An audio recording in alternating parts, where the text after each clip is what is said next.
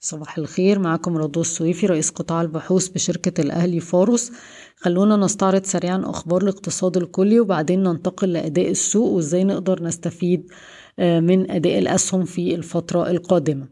يتوقع المحللون أن يرفع الاحتياطي الفيدرالي أسعار الفايدة بمقدار 25 نقطة أساس هذا الأسبوع.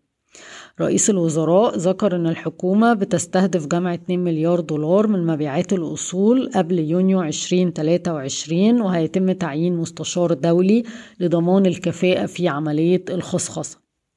طمأن رئيس الوزراء الأسواق العالمية بشأن استدامة خدمة الدين المصري وسط تسارع عمليات بيع السندات المصرية المقاومة بالدولار الأسبوع الماضي حيث ارتفعت تكلفة التخلف عن السداد في مصر لمدة عام. ارتفعت ألف نقطة لتصل إلى 2300 نقطة أساس في إبريل. كما ذكر رئيس الوزراء أن الدولة بتستعد لطرح أكثر من عشر شركات تابعة للجيش وأن تعويم الجنيه المصري سيخضع لضوابط تضعها الدولة بالتنسيق مع البنك المركزي المصري. طبقا لاستطلاع أجرته رويترز سينمو الاقتصاد المصري بمعدل 4% في العام المالي 22-23 توصلت مصر لاتفاقيات مع الصين والهند لاستيراد القمح بعملتهم المحلية بدلا من الدولار.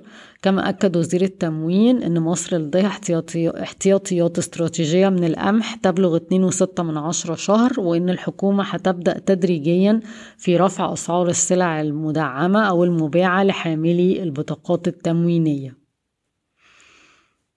تعمل وزارة التموين على اقتراح يسمح للمصريين العاملين في الخارج باستيراد الذهب إلى مصر في حدود 10,000 دولار دون رسوم جمركية في محاولة للمساعدة في استقرار أسعار سوق الذهب في مصر. عبر أكثر من 16 ألف شخص من السودان الحدود المصرية منذ بدء الصراع وأعتقد هناخد شهر أو شهرين لحد ما يبان تأثير ده على التحويلات بالعملة الأجنبية. تستعد الحكومة لإطلاق المرحلة السادسة من برنامج دعم الصادرات اللي هتدفع من خلاله حوالي 10 مليار جنيه من الدعم المتأخر بحلول شهر يوليو. خلونا سريعا بقى ننتقل لأداء السوق. إحنا شايفين إن الاقتصاد المصري ممكن يعني يهدى الضغوط اللي بيواجهها حاليا من خلال ثلاث حاجات. واحد البيع السريع والفعال للأصول وأعتقد أن البيع للبنوك هيكون أسهل لأن طبعا البنوك المصرية حاليا عندها إدارات جيدة يسهل الوصول لقيمتها زائد طبعا أن قابليتها للتسويق أعلى من أي قطاع تاني.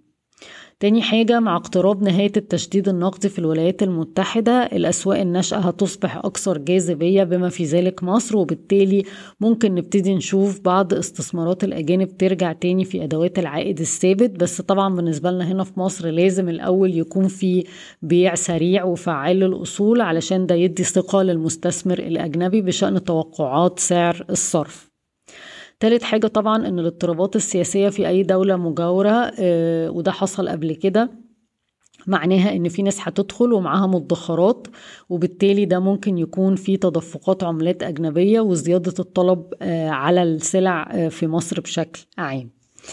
طيب إحنا فكرنا ان إيه ممكن يكون السيناريوهات لسعر الصرف اللي السوق بيفكر فيها وبيتصرف على أساسها وهي طبعا ممكن إن سعر الصرف كمتوسط السنة دي مثلا يكون في حدود يا 33 يا 35 يا 37 يا 40 وبعد كده يبتدي مثلا يفقد حوالي 6 7% كل سنة على مدى خمس سنين. ولما دخلنا الأرقام دي بالنسبة ل علشان نشوف تأثيرها على القيمة العادلة على الأسهم المختلفة لقينا إن أكتر ثلاثة أسهم يمكن أسعار الصرف الحالية مش بتعكس أداء الأسهم دي وبالتالي المفروض إنها يكون فيها ارتفاع كبير في الفترة الجاية. هي أوراسكوم للفنادق ومصر للألمونيوم وعز ستيل.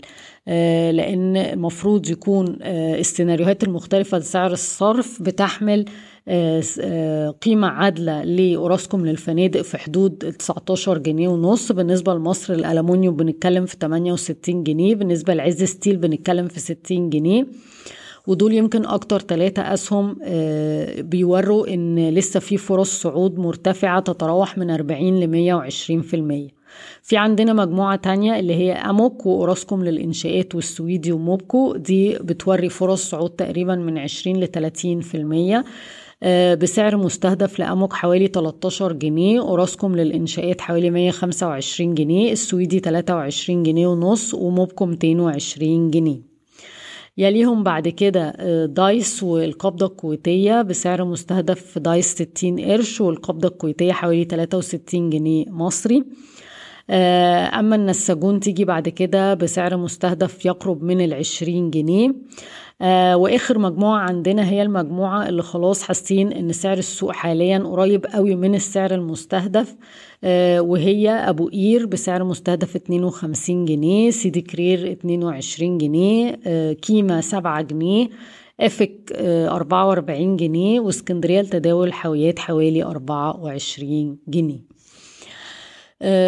طيب ف وغير طبعا إن إحنا اتكلمنا قبل كده على قطاع البنوك وشايفين إن في فرصة ممتازة لسه للصعود وبت... وبنركز على ثلاث أسامي هي أبو ظبي الإسلامي وبنك قناة السويس وكريدي أجريكول مصر لأن شايفين إن دول أرخص ثلاثة ممكن إن إحنا ندخل فيهم على الأسعار الحالية.